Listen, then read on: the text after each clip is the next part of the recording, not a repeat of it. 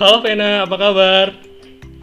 Halo Kak Gusti, kabar baik nih mantap. Apa kabar Kak? Luar biasa, fantastic, amazingly amazing. Amazing, amazing. Pantian ya.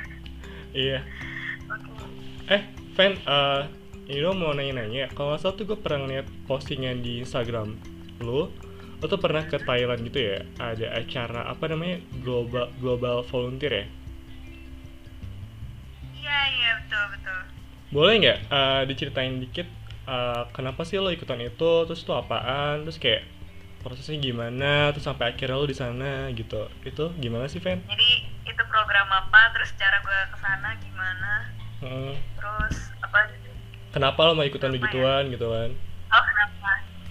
Iya jadi eh, menyalurkan hobi aja sih kak sebenarnya soalnya emang dari dulu kan emang gue suka ngajar Oh. sebenarnya. Hmm, suka ngajar tuh nah terus waktu itu tuh pas kuliah Hmm. kan nyobain semuanya tuh terus sempat sempat daftar daftar ke beberapa ke program apa volunteer volunteer ngajar gitu kan Hmm. nah terus gue sempat tuh daftar apa ya pokoknya volunteer volunteer gitu cuma emang gak keterima Oh banyak gitu ya yang lo daftarin sebenarnya ya? Juga sih cuma cuma waktu, pada waktu itu nggak keterima terus akhirnya gue lihat nih waktu itu kan gue pernah ikut program Isaac juga jadi panitia nah Heeh. terus gue akhirnya uh, search YouTube juga dan kayak gue dapat cerita dari teman kalau misalkan ada program Isaac yang bagus yang uh, global volunteer di luar negeri Hmm. itu untuk bahasa Inggris. Nah, kenapa gue pilihnya program yang itu? Karena eh, katanya itu program yang direkomendasiin sama temen gue yang termasuk salah satu program mengajar yang paling bagus lah yang dipunya Isaac itu di Thailand. Hmm. Nah, jadi yaudah deh karena hobi sih namanya hobi ya. jadi yaudah coba daftar aja ke sana gitu dan ya udah gitu sih ceritanya kak. Oke.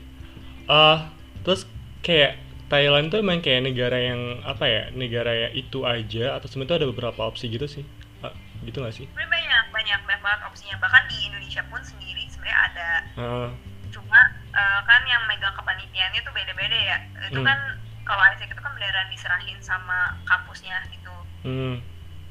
nah cuma yang paling kedengaran namanya itu itu di kalau di Asia itu di Thailand Cina, Cina sama mm, di Eropa Timur di Oke. Eropa. Nah cuma karena ini kan benar-benar budget sendiri kak. Jadi Oh, kita sebagai mahasiswa yang bokeh kan juga harus memilih yang paling murah dan yang paling bagus gitu kan. Nah, Iya. akhirnya gue research dan pada waktu itu yang emang paling kedengaran namanya itu ya untuk di, di Asia itu yang Thailand gitu. Jadi gue pilihnya di Thailand. oke. Lo Thailandnya di mana? Daerah mana? Mahachai Eh, kan? namanya namanya itu nama daerah kampung itu Pecaburi. Jadi kayak kalau misalkan kayak perkampungan di Bogor lah. Oh, oke. Terus eh, gimana Ven rasanya kayak maksudnya em, lo ngajarin apa sih sana? Ngajarin anak-anak kelas berapa gitu? Hahaha. Jadi gue itu ngajarnya anak-anak dari TK sampai kelas 6 SD. Oh, banyak ya? Terus gue ngajar itu benar-benar bahasa Inggris dan wah itu pengalaman yang emang sangat menyerukan luar biasa sih kak. Serunya gimana? Seru, seru. Maksudnya dari dari pertama gue apply ya, dari Ah. pertama gue apply program ini sampai selesai program ini tuh gue benar-benar eh, dapet banyak pelajaran ya. Pertama di Thailand ini pertama kalinya gue apply buat visa, jadi gue ngurus visa. Oke. terus kayak lagi ya terus untuk tinggal sama ikut di sana tuh ada beberapa yang mahasiswa exchange gitu dari beberapa negara. Tapi emang banyak kan tuh China. Karena gue ikutnya itu kan program winter gitu kak. Hmm. jadi yang winter itu Hmm. hmm, kebanyakan itu orang-orang dari Asia juga yang ikut. Dari China dari Vietnam. Oke. jadi ketemu teman-teman juga eh, yang baru kan. Hmm. teman-teman internasional lah gitu. Ceritanya yang baru terus juga belajar caranya bikin materi terus juga di sana gue tinggalnya juga sama orang lokal tuh jadi gue tinggal di rumah kepala sekolah dari SD negeri itu kayak SD kita sampai SD Oh. negeri itu jadi kita tinggal di situ selama satu setengah bulan ya jadi belajar juga gimana sih adaptasi sama orang lokal terus makanan makanannya Hmm. terus juga cara ngajar yang enak gitu kan terus juga gimana caranya murid mau dengar Hah. Nah, menyenangkan sih. Hah. Eh, berarti di kayak apa ya namanya kalau tinggal sama yang orang lokal di situ ya? Istilahnya apa sih? Gue lupa. Housemate ya apa? Eh, apa ya namanya? Ya ya itulah ya. Host lah ya. Iya Namanya host lah. Itu lo tinggal sendirian aja atau kayak bareng temen lo yang lain gitu gak sih? Iya, jadi eh, pada waktu itu tuh gue berangkat ke sana itu sekitar ada 20 orang yang ikut. Oh, yang oh. dari orang Indonesia banyak lah. Heeh. Lebih dari setengahnya itu ngikut orang Oke. itu dari Sri Lanka sama Vietnam sama gue lupa negara lainnya apa. Nah, terus dari 20 orang itu dibagi-bagi tuh tinggalnya. Ada yang tinggalnya bareng-bareng di asrama. Hmm. Ada yang tinggal kayak gue itu di rumah orang lokal Mm-mm. antara guru atau enggak kepala sekolah. Ada lagi yang dikasih eh, rumah sendiri tapi deket juga dari sekolah gitu. Jadi Oh. kayak tinggal di dekat sekolah. Nah, gua itu termasuk cukup hoki sih karena dapat tinggal yang sama host, terus juga sama dua roommate gua, satu orang Sri Lanka, satu orang Vietnam.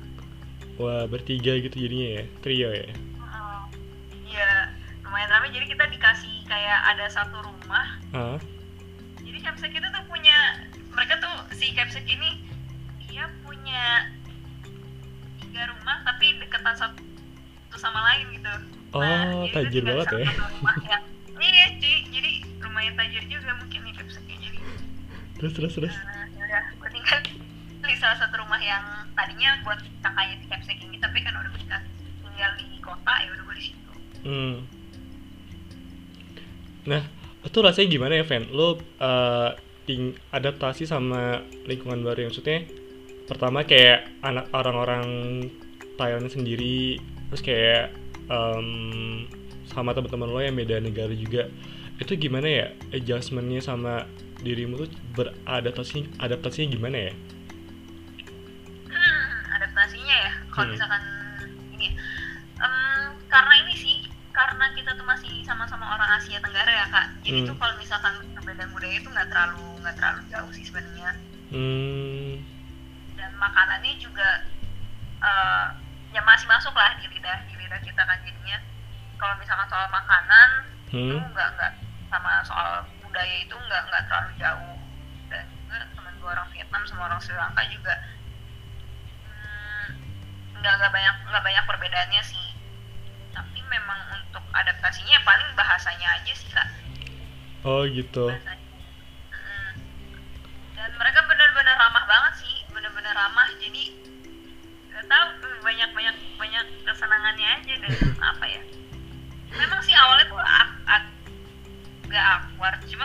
tipenya orang yang apa ya Santai. nggak terlalu takut gue nggak terlalu takut kalau ketemu orang baru sebenarnya Bagus ya lo tuh gitu sih ya. Iya, agak agak ini kan ketemu orang baru cuma ya lumayan lumayan ya paling permasalahannya di bahasa aja sih Contohnya tuh kayak gimana? Maksudnya uh, pas bahasa jadi kayak permasalahan yang kayak sering muncul. Misalkan kayak lu mau beli garam gitu misalkan terus jadi mentok atau gimana sih? ya karena di di, di perkampungan itu kan eh, benar-benar mereka tuh nggak bisa bahasa Inggris sama sekali kan Oke. jadi eh, mau nggak mau kan kita yang mesti belajar bahasa Thailand itu Hmm. Nah, terus kadang tuh uh, gue kalau misalkan mau mau ngajar oh, mau ngajar murid itu juga susah gitu kan karena ngasih taunya yang ngomong apa juga mereka tuh nggak paham apa apa kan Oh, jadi lu full full bener-bener full bahasa Inggris ya ngomong ke mereka itu ya? Uh, kenapa kak? Full bahasa Inggris gitu ya pas lagi ngajar ke anak-anaknya gitu ya? Iya kadang tuh ditemenin satu guru kadang nggak juga gitu gurunya ngajar di tempat lain kan Oh. ya nggak ada pendampingnya itu kita uh, bingung dan untungnya kita juga ngajar berdua sih Ah. jadi tapi tetap aja kayak ka- kadang ada kendala bahasa gitu anak-anak ini gimana ya? Akhirnya kayak Jin tuh Google Translate tuh paling banyak dipakai sih. Kayak kita ngetik terus nanti dijin sama mereka.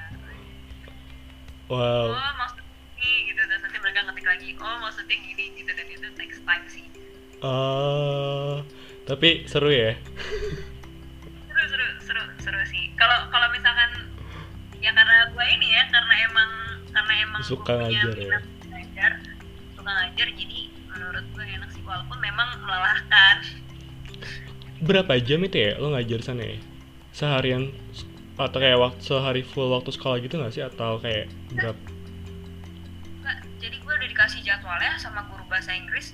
"Eh, ini nih ngajarnya ini, ini ini aja. Dan sebenarnya sih sebenarnya tuh banyak waktu luangnya kak. Cuma Hmm. gue juga ini ya belajar oh gini ya rasanya ternyata jadi guru capek capek sih capeknya gimana sih? Capeknya gimana sih? Coba deh sharing itu deh. karena aktif banget anak-anaknya apalagi kalau misalkan Oh. ngajar anak TK Aha. nah itu tuh kalau misalkan kita kurang maksudnya kalah tenaganya sama anak TK nah kita tuh yang dikendalikan sama anak TK itu kan mereka nggak mau dengerin lah lari-lari lah nangis gitu kan.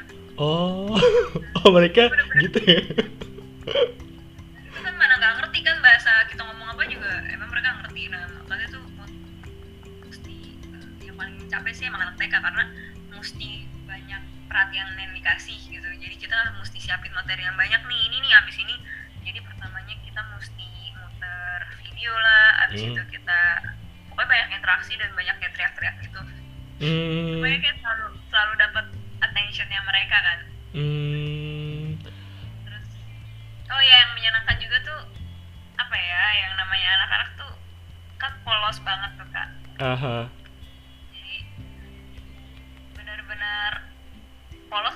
jadi tuh benar-benar kalaupun di luar jadwal aja tuh selalu ngajak kita main gitu kan Oh, kayak gitu. gelayutan lah minta, minta dipeluk gitu gitu kak oh.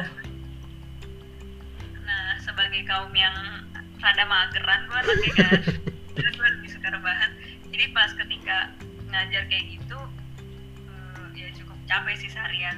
Eh, berarti capek bisa dibayangin kayak lo bener-bener harus kayak teriak-teriak kayak eh, terus semangat supaya mereka tuh kayak tertarik sama lo gitu ya. Betul betul capek juga ya sis ya? Capek capek. Capek tapi menyenangkan sih.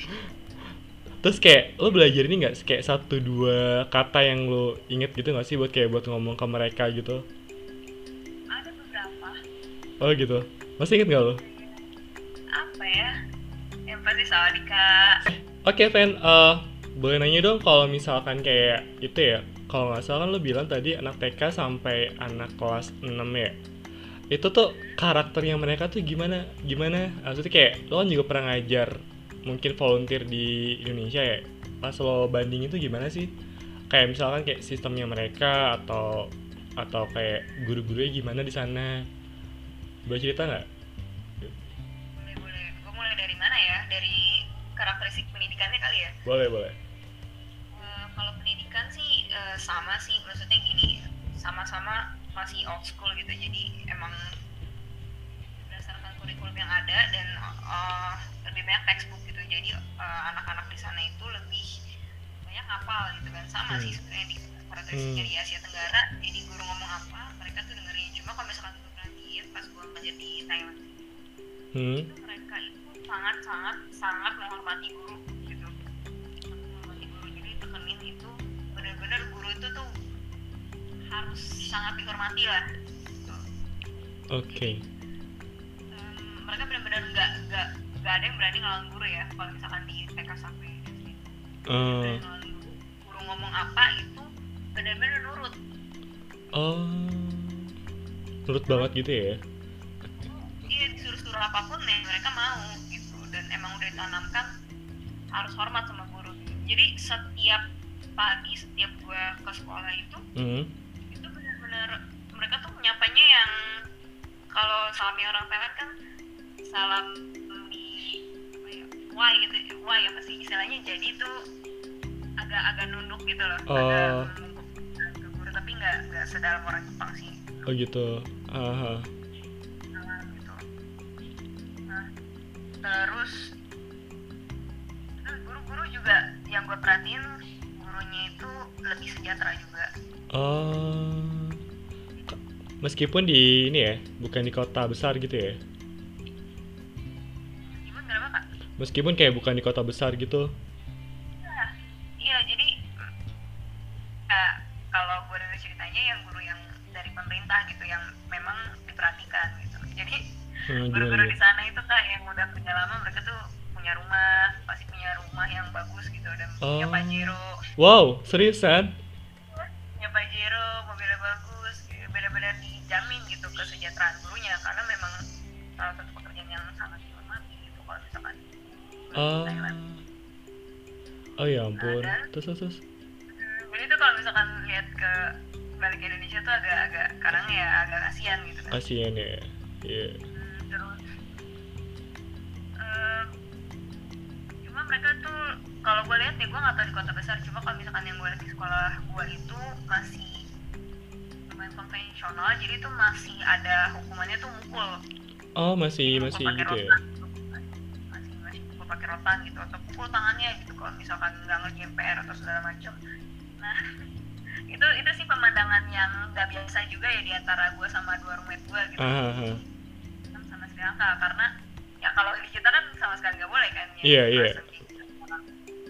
Sebenarnya di mereka itu masih tradisional kayak gitu dan ya gurunya juga udah bilang ke kita kalau muridnya nakal udah pukul aja pukul aja gitu kan tapi ya eh, gimana ya agak nggak enak enggak lah kita nggak mukul murid tapi ya itu maksudnya perbedaan perbedaan cara pendidikan yang masih gue lihat Eh, itu lo juga ngajar anak kelas eh, SD-nya kah? Kayak satu kelas antara kelas 1 sampai kelas 6 gitu terus kayak perbedaannya gimana Fen sama anak TK tadi? Kalau anak TK kan kayak lo yang mesti kayak lebih bersemangat mencari atensi mereka gitu terus kayak ya eh, kalau yang agak gedean gimana?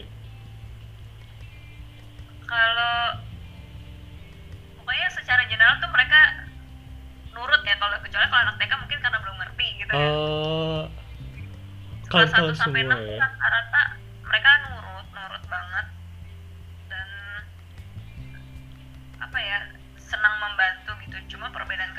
karakternya itu ya keaktifan keaktifannya sih kalau misalkan yang gue lihat ya semakin kecil kalau itu mereka sangat sama sangat sangat hiperaktif gitu dan sangat sangat aktif gitu ngajak main sementara jadi tuh kalau misalkan untuk yang TK sama kelas 1 2 3 itu Hmm? roommate gue yang nyata materi itu ya banyakan tuh games games games atau Hmm. nyuruh mereka maju ke depan atau enggak nyanyi nyanyi nari nari gitu Hmm. untuk kelas satu dua tiga itu kebanyakan eh, lebih ke aktivitas fisik lah Hmm. nah untuk yang kelas 4, 5, 6 itu eh lebih maksudnya game sesekali aja gitu cuma banyak kan nyatet atau enggak nulis materi Nah, lanjut nih, Fen. Eh, pas lagi kalau anak karakteristik anak kelas 4 5 6 gimana, Fen? kalau anak kelas 4, 5, 6 ya Hmm. mereka kalem sih Oh, gitu. Kayak ada lebih kalem Haha, lebih nurut cuma ya itu yang gue perhatiin ya kak jadi gimana? gue juga akhirnya ngerti bahwa pentingnya tuh kalau kita apa sih ngajarin orang tuh kita ajarin mereka tuh berpikir gitu bukan menghafal Gimana nih, gimana nih? ya. Menarik nih. Gimana Bener. maksudnya? bener kita kita tuh ngomong apa itu tuh muridnya tuh ngikutin aja gitu tidak mempertanyakan sama sekali gitu kenapa Oh. Eh, tidak mempertanyakan gitu ini harusnya gimana ini harusnya gimana walaupun kita salah ya mereka juga ya udah ngikutin aja gitu dan kadang gue Eh, juga apa ya mikir oh ini harusnya nggak gini gitu kan ah, iya iya iya.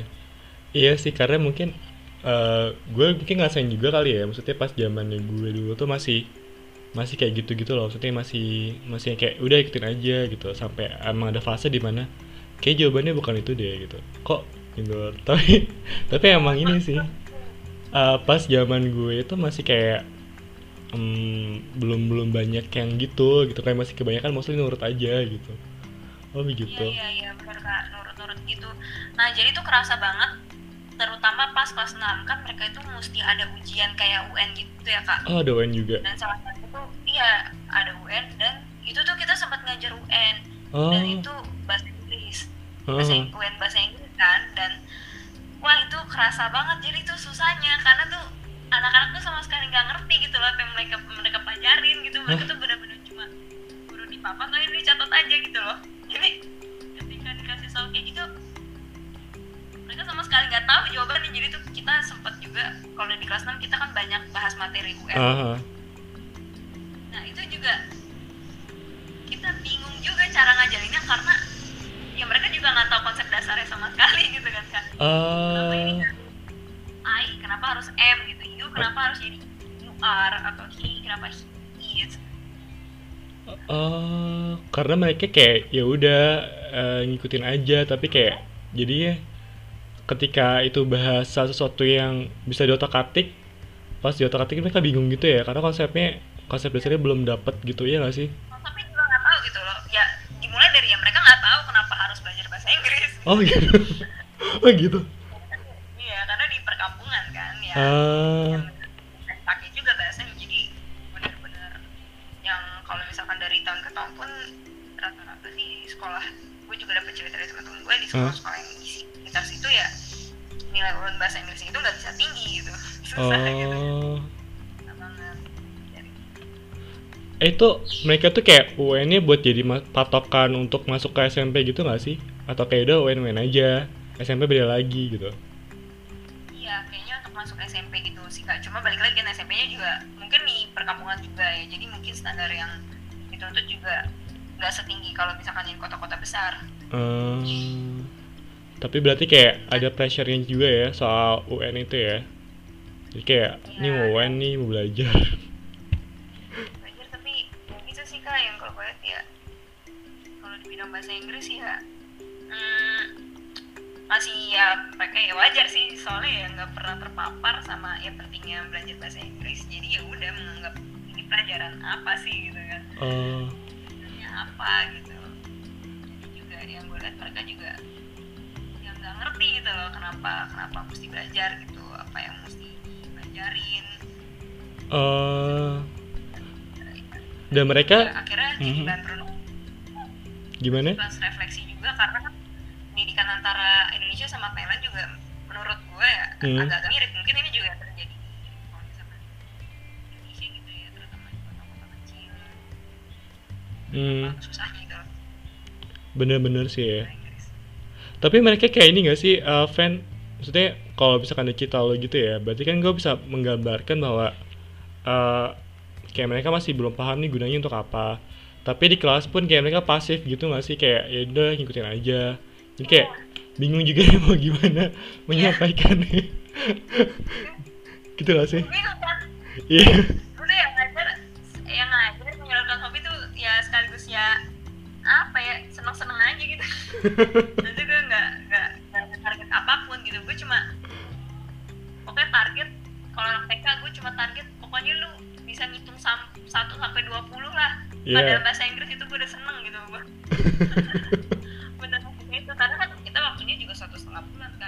nggak Iya. mungkin kan ngerubah Banyak hal. anak ini langsung ya bisa untuk belajar bahasa Inggris gitu jadi ya udah Nah, anak-anak di sana tuh udah ini gak sih? Udah kayak kenal gadget atau kayak sosial media gitu gak sih? Terus kayak lo tanya-tanya, kakak IG-nya apa gitu? oh iya mereka nanya mereka mainnya Facebook banyak oh gitu. Oh, udah main Facebook ya? Terus terus terus. Dia main Facebook terus nanya kan Facebook gue apa ya aku nggak punya ini nggak punya Facebook nggak main Facebook gitu ya ya Oh, lucu-lucu banget. Berarti internet udah ini ya? Udah kayak bukan sesuatu yang kayak baru buat mereka gitu gak sih? Karena udah bisa main Facebook juga gitu. enggak enggak udah udah dan oh kalau misalkan dari sekolah juga hmm, apa ya pemerintah tuh gini kak dan pemerintah sih gue suka juga ya cukup Gimana? cukup concern di bidang pendidikan yang gue ya juga jadi ya setiap anak itu dikasih uang untuk sekolah. Gimana ini maksudnya? dianggarin. Nah, mereka tuh ya pasti sekolah gratis dan juga dikasih uang saku bulanan gitu. Oh, setiap Tapi anak ya- ya? setiap anak jadi otomatis nggak mungkin ada anak yang nggak salah satu. Bahkan mereka tuh makan makan pagi eh makan siangnya itu juga ada kantin sekolahnya dan itu gratis Wow, enak banget ya. Maksudnya untuk ukuran yang di kota kecil ya iya perkampungan yang kecil gitu fasilitasnya udah segitu gitu terus ya jadi uang saku udah ada terus Buat makanan juga makan. dikasih jadi Oh. dipastikan banget oh, anak-anak lo harus sekolah harus bisa sekolah gitu. Wow, itu itu bagus banget sih karena em, kayak pengalaman gue aja, ini yang setahu gue ya, maksudnya setahu gue, bisa aja gue salah. Kayak kalau di Indonesia tuh kan masih ini ya, ya wajib 9 tahun, tapi kayak kadang yang nggak dapet uang saku gitu, terus nggak dapet nggak dapet makan siang pula gitu kan. Ah, jadi kadang ada satu eh, kejadian waktu itu ya gue sempat ngajar gitu, volunteer juga daerah Jakarta gitu jadi sedihnya tuh gini Fen ini kebetulan sekolahnya sekolah swasta sih. Jadi bener-bener kayak fundingnya sendiri kan. Nah terus yang sedihnya tuh gini. Em, mereka kan secara finansial kan juga kurang. Jadi nggak bisa dapat kayak eh, ya tadi kayak misalkan buku lebih baik kemudian yang asupan lebih baik gitu kan. Nah terus ketika mau masuk ke SMP eh, itu kan ada ujiannya juga ya kayak UN juga kan. Nah nilai mereka tuh kayak tahun-tahun sebelumnya itu kan nggak cukup apa ya nggak cukup tinggi untuk bisa masuk ke SMP negeri kan. Sehingga opsinya adalah swasta sedangkan op- swasta itu mahal kan. Nah kalau misalkan mereka nggak punya uang ya udah selesai gitu. Sedih gitu sedih gitu. Jadi pas gue tahu faktanya gitu loh. Jadi kayak Heeh, jadi kayak ya ya lo harus pinter gitu kan. Terus kalau nggak pinter ya nggak bisa itu. Terus gue mikir kan nggak semua anak itu apa ya excel di akademis kan menurut gue tuh gitu. Benar-benar. Padahal wajib belajarnya 12 tahun malah. Eh 12 tahun ya? Udah naik ya? 12 tahun sekarang. Oh 12 tahun. Ya nah bagus. itu gue juga gue juga kurang paham sih kalau misalkan negeri di Jakarta ya apakah benar-benar gratis sekarang atau apa tetap masih ada bayaran gitu. Hmm. oh gitu ya? Em, menarik banget nih Fen terus Fen eh, lo ada kayak cerita-cerita ini gak sih di luar sekolah yang seru gitu? Atau kayak misalkan mungkin kayak di daerah gitu lo kayak ada ini gak sih kayak semacam mitologi mitologi mitos-mitos gitu? Uh, uh, setan setanan gue gue kebanyakan nonton film Thailand ya jadi jadi gue eh, imajinasi gue itu gue konfirmasi ke lo gitu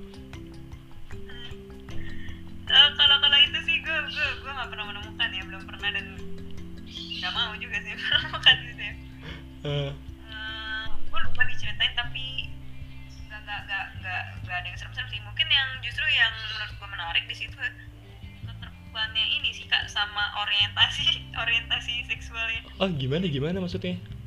Jadi eh, mereka tuh se- sesantu itu loh kayak ada Hmm. di sekolah gue itu yang dia itu cowok. Ah itu suka pakai baju cewek gitu. Ah pengen jadi cewek Eh, dan itu biasa gitu ya, Maksudnya kayak ya udah gitu, gitu ya? iya bahkan pas pertunjukan kan wah di situ juga banyak banyak banyak acaranya kayak mereka tuh Gimana gimana? setiap pokoknya setiap minggu tuh mungkin ada acara misalkan Children Day lah terus kayak eh, pentas akhir tahun lah udah gitu ada pentas Natal padahal mereka ngerayain Natal Oh gitu, oh gitu. Terus terus terus. Oh menarik ini menarik. Iya, Terus murid dia kelas 5 atau kelas 6 ya gue lupa. Cowok dan dia jago banget dance dan dia bilang sama kepala sekolah kan kepala sekolah maksudnya host gue gitu. Ah aku pengen jadi cewek gitu dia bilang terang-terangan. Oke. Dan? Ya. Responnya si yang Iya. itu? ya gue kayak ya udah kayak biasa aja dia cuma bilang oh oke gitu. Kayak terbuka banget. Banget pas pertunjukan juga ini cowok sampai pakai baju cewek gitu kak. Pakai apalah pakai setelan gitu terus joget joget kayak ya udah orang tidak menganggap itu sesuatu yang aneh atau kayak sesuatu yang Baru apa gitu banget ya? gitu. Jadi gue menurut gue ya itu wow su- suatu perbedaan budaya yang agak ini ya. Mencolok agak gitu ya? wow gitu. Mencolok karena padahal nih di perkampungan gitu tapi orang-orangnya Ah, ah. benar-benar ya udahlah selalu deh mau ngapain? Iya, iya bener-bener. berkata dirimu karena eh, kalau di kota mungkin masih kayak oke mungkin udah agak ini ya banyak apa namanya eh, akut akulturasi budaya lain. Cuman kalau pas di daerah perkampungan gitu kayak mereka segitu santuinya tuh kayak mm, menarik ya. Dan teman-temannya si anak itu juga biasa aja gitu ya Fan teman-teman sebayanya. Biasa aja gitu. Biasa. Oke ini Kayak- menarik sih gue baru tahu. Terus apa ya yang menurut gue unik juga nah, nama panggilan. Kalau misalkan di Ah. mereka kan namanya tuh panjang kak. ah Jadi tuh pasti ada setiap orang tuh ada nama panggilan panggilannya sendiri kan. Dan biasanya tuh nah orang tuanya gitu. Jadi gue suka nemuin nama-nama yang lucu lah. Misalkan ada yang namanya game gitu mainan. Ah ada yang namanya Peach, Som, ayo suka-suka lah. Ada yang namanya tuh mafia atau gangster. itu itu nama nama pendeknya itu kayak dibikin sendiri atau gimana sih? Bikin sendiri aja. oh gitu. Misalkan gue nama gue Tias Gusti Harta gitu ya nama panjang gue terus kayak gue pengen dipanggilnya Dang gitu ya. Ini emang Dang gitu. Iya oh gitu. Serandom itu. Nggak ada nggak ada Tias Gusti Hartanya tiba-tiba Dang gitu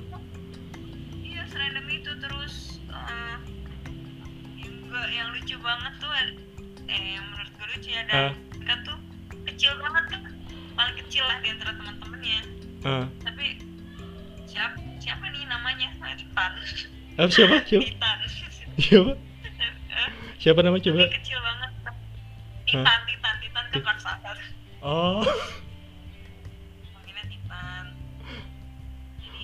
Ya gitu kadang ya, jadi kita menurut gue itu ya itu ya gue juga baru tahu nih nama panggilan yang super random itu gitu loh. Lo bisa kasih nama orang tuh ya sesuka hati lo aja lah. Oh gitu. Oh terus lo punya nama panggilan gitu nggak sih? Apa Vena Vena aja gitu?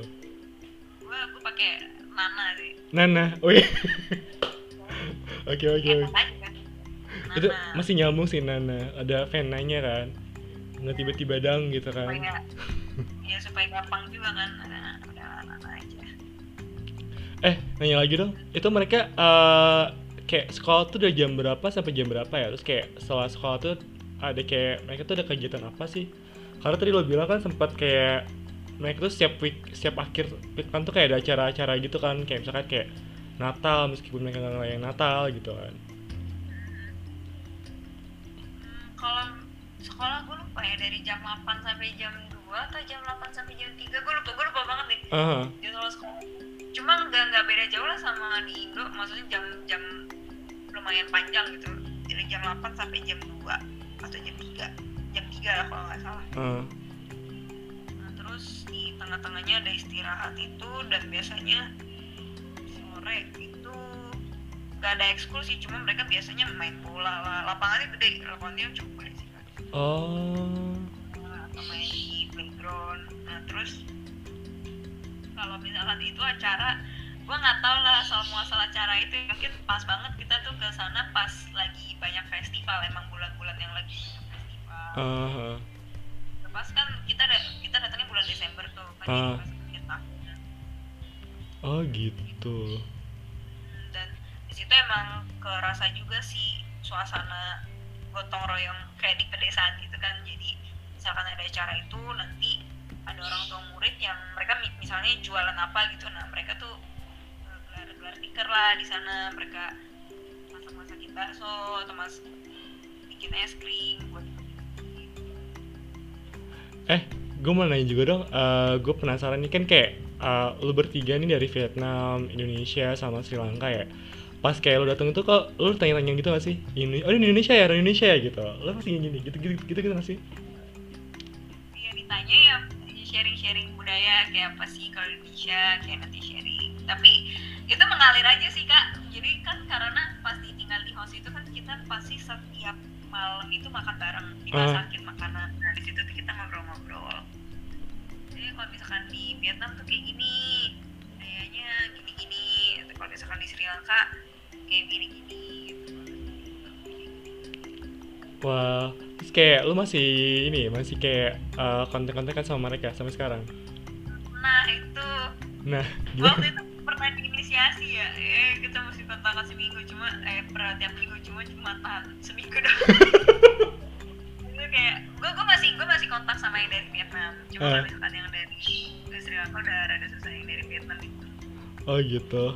Nah, suka di Instagram. Tapi kalau misalnya sama host ya sih gue suka ya jadi kelupaan gitu. Cuma memang tuh kita ada keinginan untuk "Eh, oke nanti kita tahun depan kita ke Thailand lagi gitu. Cuma belum ada. Belum ada ya belum ada. Belum terrealisasi lagi. Eh mana eh mau nanya dong kalau misalkan nih kayak uh, ada teman-teman kayak mau deng mau ikutan nih kayak program kayak lu gitu itu kayak cara gimana sih Van gitu. Mungkin anak-anak kuliahan yang kayak punya passion yang sama kayak lu gitu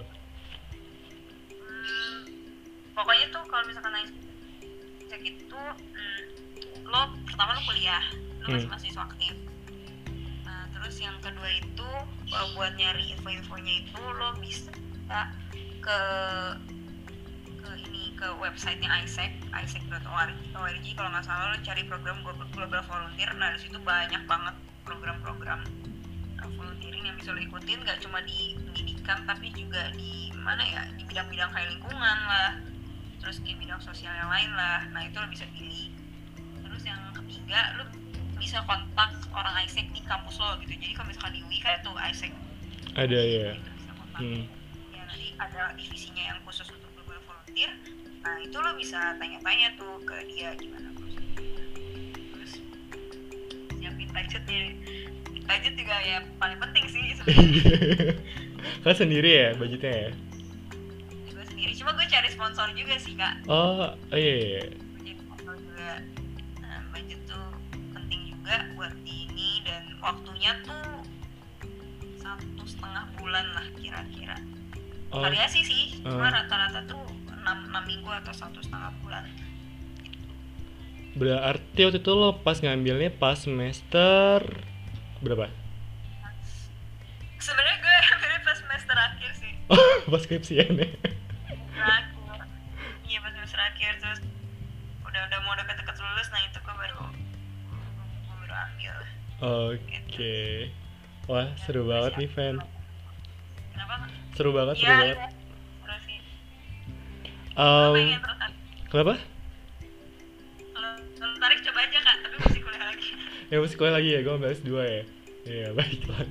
iya iya karena ya kan dulu gue pengennya sebenarnya mengajarnya di Indo kan kayak Ah. ikut Indonesia mengajar lah Oh, gitu. itu Terus, Cuma terus? ya, karena kan eh, apa ya waktu itu sempat belum belum apa belum ada opportunity ke situ nah terus karena udah di penghujung semester gue nggak mungkin ikut lagi tuh Indonesia mengajar akhirnya ya udah gue carinya yang di ISEC Oh, emang lu by the way uh, suka kayak ngajar tuh dari kapan ya? Pas kuliah kah atau gimana?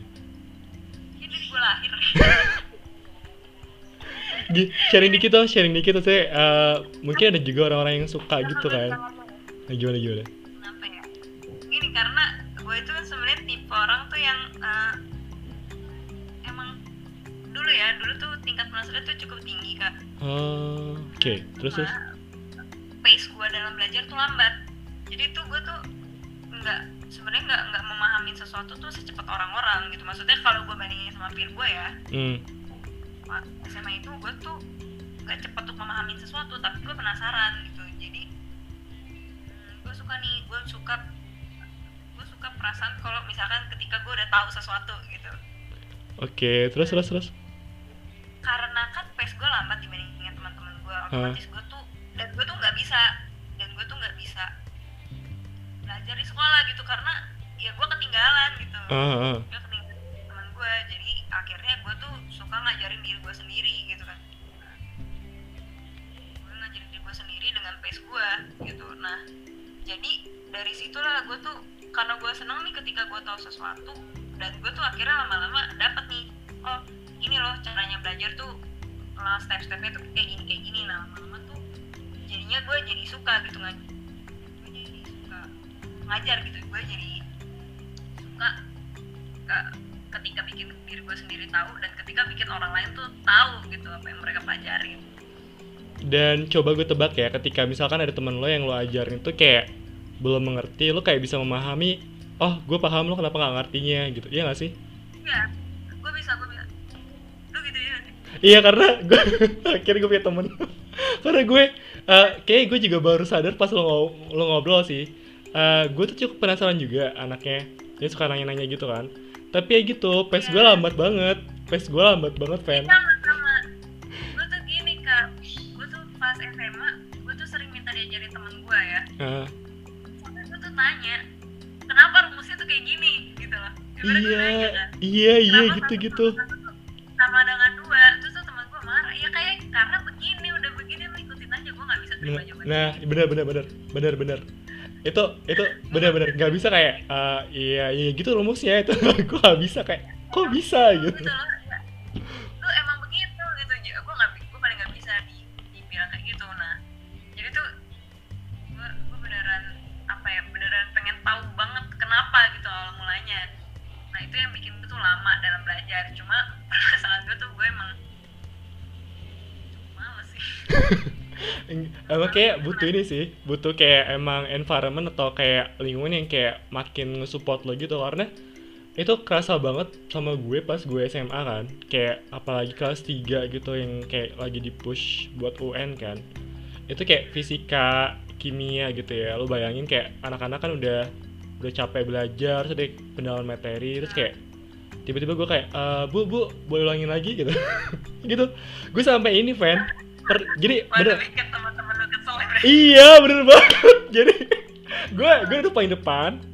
Gue itu paling depan Dan gue nanya gitu ya Gue nanya kan. Karena emang gue Totally gue gak ngerti kan. Gue lambat banget pace-nya gitu. Terus kayak Kayak lo gitu Kayak gue mempertanyakan kenapa gitu kan. Terus kayak apa gitu ya? ah, Pas gue nunjuk tangan Terus gue nanya Teman-teman gue jawab dong. Terus gue dalam hati gue Gue gak nanya lo Gue nanya guru itu gitu. Kayak bodo amat lo mau ngomong apa kan. Dan kadang-kadang tuh ah, Kadang-kadang kayak Kadang gue kasihan sama teman-teman gue ya. Gue udah jelasin tapi gue gak akan ngerti dalam sekali jel- penjelasan gitu ngerti nggak? Jadi kayak benar benar. ber- harus berkali-kali sampai kayak ngerti eh, udah ngerti gusti? Enggak belum gitu. Gue gitu udah ngerti? Belum. Gue se se eh, sebodoh amat bodoh amat omongan orang waktu itu ya kayak emang gue nggak nggak nggak bisa secepat teman-teman gue dan gue nggak bisa terima. Ya itu rumusnya gitu dan kadang guru itu pernah ada yang kayak kesel gitu loh. Fisika guru fisika gitu. Apalagi fisika kan. Jadi kayak gue tuh kayak agak sulit buat kayak benar benar. Em, ada visualisasi gitu gak sih? Kayak nggak ada visualisasinya gitu kan. Kayak ini kok bisa gitu gitu kan.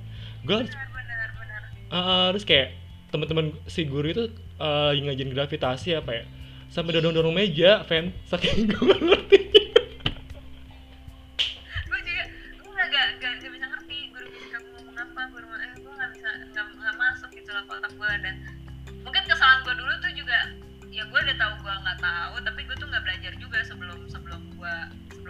itu gitu. Jadi benar-benar gitu. Tapi mungkin bukan ini ya bukan kesalahan lu. Karena mungkin juga nggak tahu maksudnya oh ternyata tuh ada anak tipe kayak gini ya dan apa maksudnya ya ternyata belajar tuh harus kayak gini. Kadang dulu nggak ada guru BK juga atau guru wali kelas yang bisa kayak ngasih tahu lo gitu kan nggak ada. Nggak- ada yang kayak ya udah gitu kan. Iya gak sih? Iya dan ya udah kan lu jadi empathize gitu kan. Kalau gue tuh iya. berempati jadi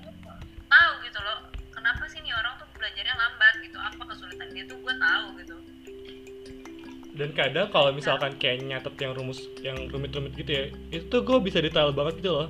Jadi ini tuh gini karena ini tuh gini gitu. Karena eh, biar orang tuh paham gitu loh.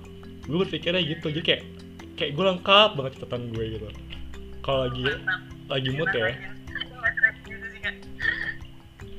Eh tapi menarik sih. Maksudnya eh, kadang gini ya maksudnya gue inget banget soalnya dulu pernah pernah ini fan pernah kayak SMP sih guru matematika gue. Jadi gue kan eh, nggak ngerti gitu kan gue nanya eh, kayak ngerti nggak enggak gitu kan. Ngerti nggak enggak gitu berkali-kali kan sampai gue inget banget tuh kayak kenapa plus ah, kenapa kalau ada per- perhitungan penjumlahan sama perkalian itu yang didahulukan perkalian gitu kan. Gue nanya dong kenapa kayak gitu? Terus gurunya tuh gurunya kayak lagi habis kesabaran sama gue iya emang dari dari dari sana kayak gitu Gusti gitu. Oh kayak gue masih kayak masa sih gitu. Iya wah itu gue juga bisa iya sampai.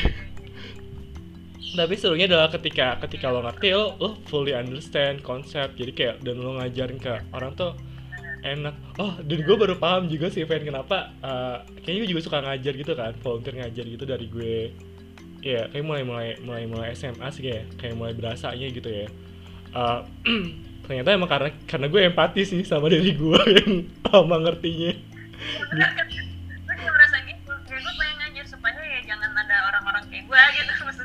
iya iya. dan gue pernah apa ya gue pernah ngajar di bimbel gitu ya kayak bimbel gitu Uh, dan gue tuh kayaknya kurang pas sama sistemnya aja karena misalkan kayak ada 10 anak gitu ya ada satu anak yang cepet banget gitu kan. Uh, ada anak-anak yang tipikalnya kayak gue gitu kan lama gitu. Nah somehow kayak mesti catch up gitu loh kayak ya mau nggak mau harus uh, maju terus kan. Tapi sebenarnya dalam hati gue kayak gue nggak bisa ninggalin anak yang lagi lagi ngejar gitu karena tuh gue kayak gue kayak gue gitu. Tiba-tiba udah pindah bab pindah bab gitu. Kayak anjir gue masih belum paham gitu.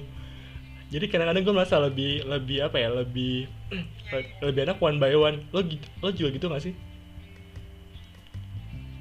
Ya lebih lebih gue lebih enak one by one karena ya ya itu sih ya nggak bisa juga sekolah kan kayak muridnya yang ngajar kan banyak ya kak. Iya. Nggak mungkin kan satu-satu diperhatiin. Iya bener. justru yang lambat-lambat menyesuaikan gitu. Eh tapi gue seneng loh jadi akhirnya kayak kayak punya temen gitu.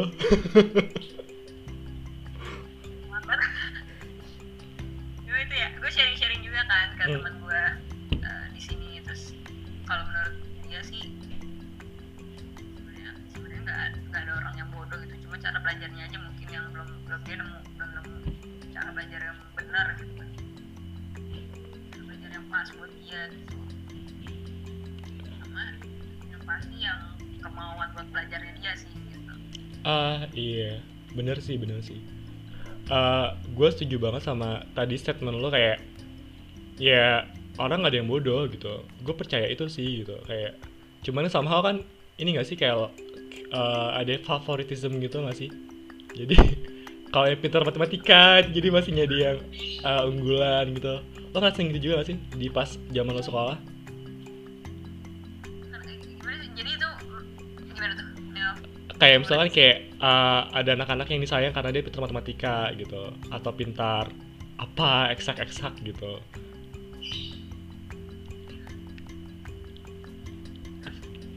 Halo? Halo halo Fen? Ya iya. Terus iya lo halo halo kak lo pernah ini gak sih pernah merasakan gitu kayak uh, gurunya kayak sayang sama anak yang lebih pintar matematika misalkan gitu atau lebih pintar iya iya iya. gitu ya Iya. Ya, surprisingly gue juga pernah jadi peliharaan guru kayak gitu ya. wow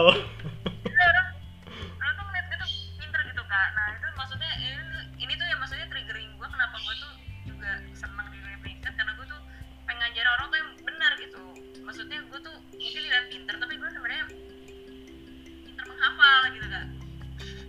Oke, gimana gimana? Berarti ah, lo tuh gimana pintar menghafal gitu?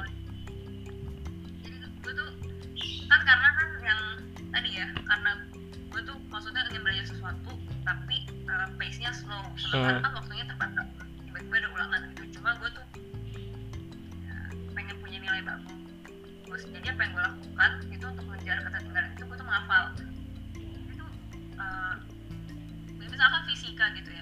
ya Eh, gue tuh menghafal menghafal soalnya dan jawabannya.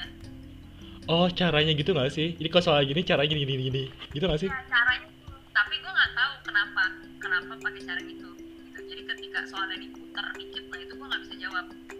Oh, nah, nah, karena gue menghafal soal itu dan soal itu kebetulan keluar di ulangan ya.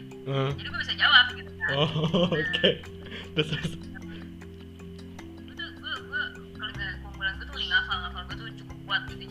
kayak biologi itu kan hafalan tuh. Uh -huh.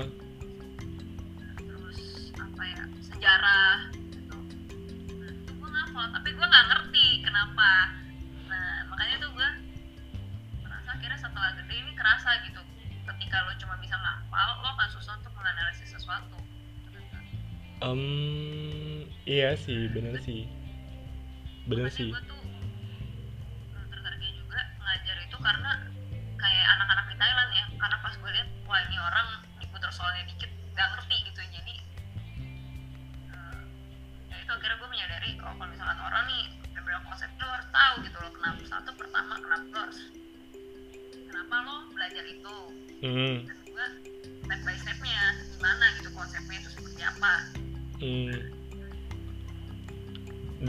emang itu kayak butuh waktu gitu gak sih Van kayak maksudnya kayak eh iya gak sih kayak untuk memahami bener-bener ini kenapa ini kenapa? Kan kayak ini kenapa ya? Gitu kan mesti lama gitu gak sih? Tapi kalau udah tek gitu ya udah gue bisa gitu. Benar. tapi gue percaya kak maksudnya Apa? untuk memulai segala sesuatu pe- pelajarannya itu ada framework cara cara mikirnya yang betul gitu loh frameworknya gitu. Jadi apa ya kalau bahasa kerennya kan sekarang critical thinking ya? Iya gimana gimana nih? Maksud contohnya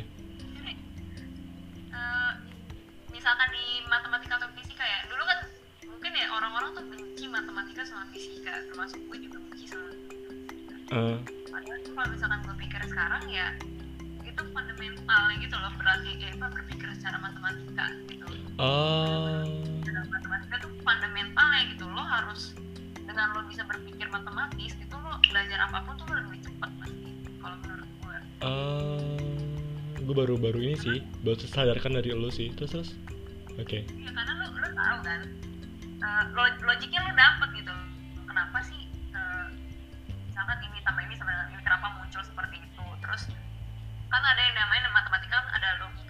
iya.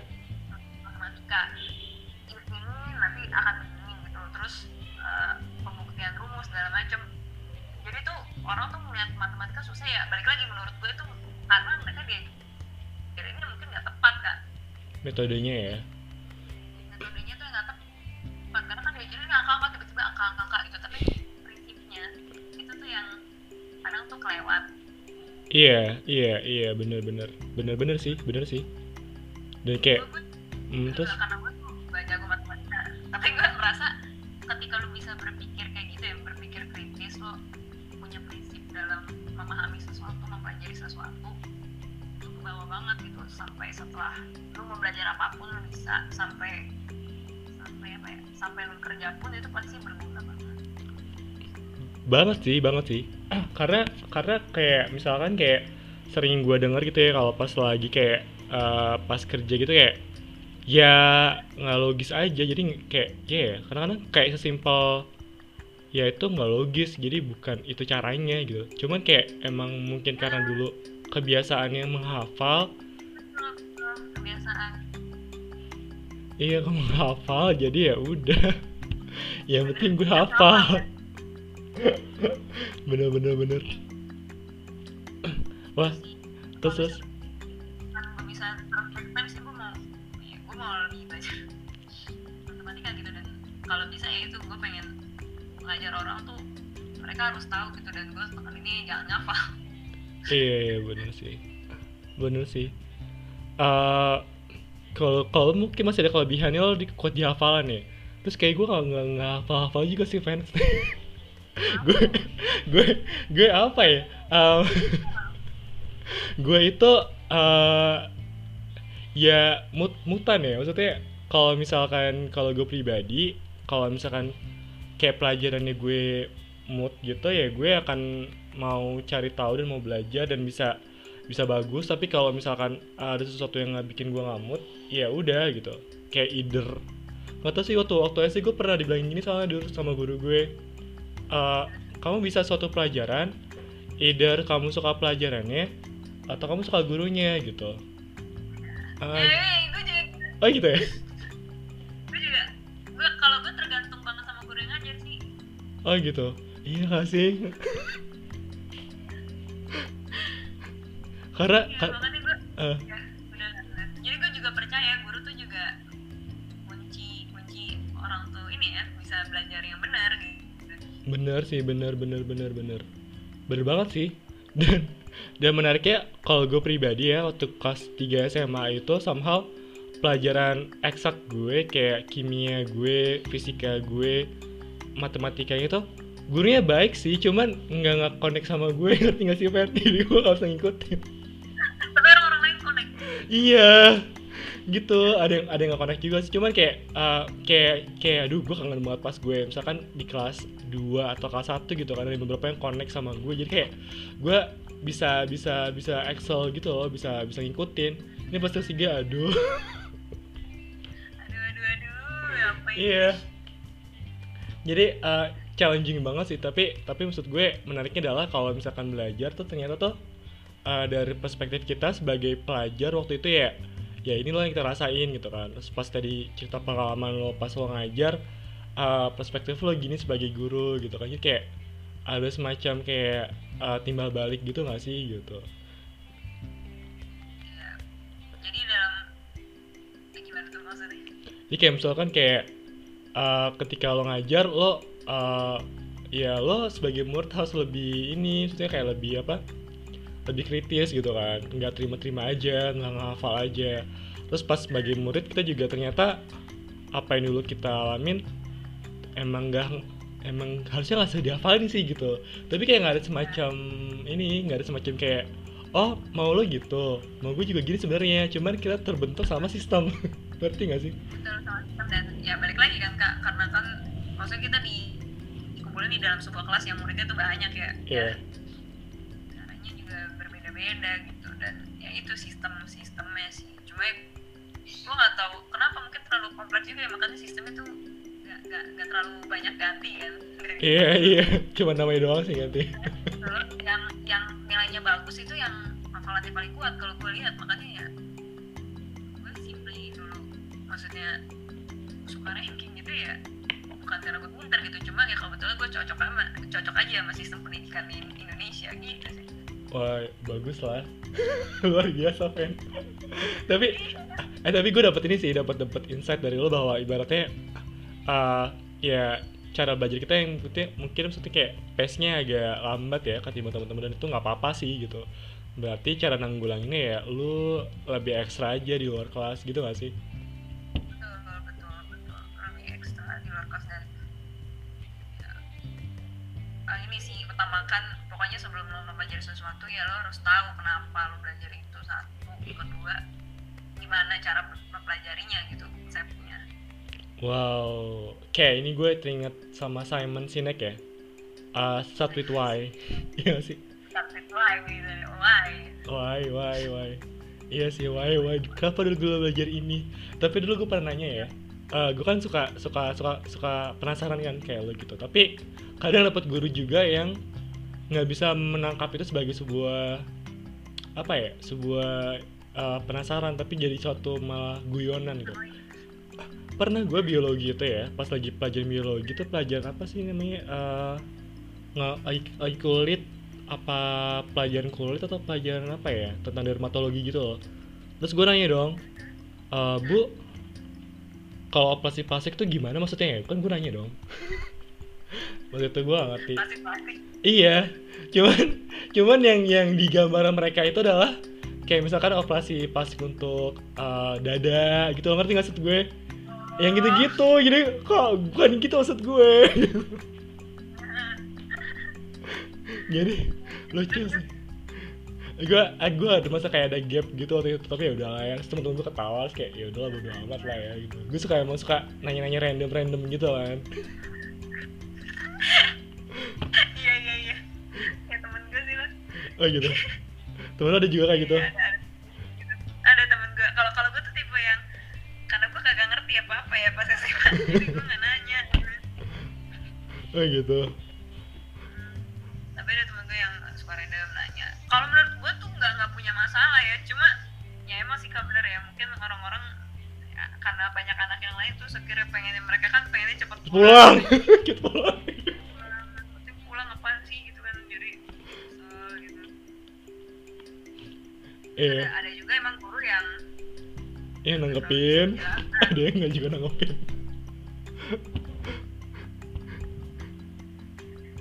Gitu sih. Iya. Tapi ya menarik sih ya. Kita kita jadi belajar perspektif uh, pendidikan di Indonesia sama uh, di Thailand tuh gimana ya Fen ya? Oke deh, Fen. Untuk penutupnya mungkin lo mau ngasih uh, pesan-pesan kali, Fen, untuk soal kalau apa? Tadi udah bilang ya, mungkin mau diulangin lagi kesimpulan lo, apa gimana? Pesan-pesan terakhir lo?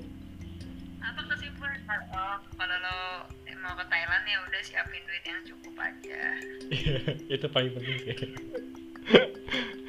Oke deh. Ya udah, Ya, uh, hmm, gimana? udah Ya udah. kalau misalkan lo belajar ya lo tahu lo belajarnya kenapa sama lo pelajari logik belajarnya gimana gitu Oke deh. Oke deh, kalau gitu uh, kita tutup dulu ya podcastnya uh, buat hari ini. Makasih ya, Fen ya. yo sama-sama Kak Gusti thank you for inviting me Yo, bye-bye.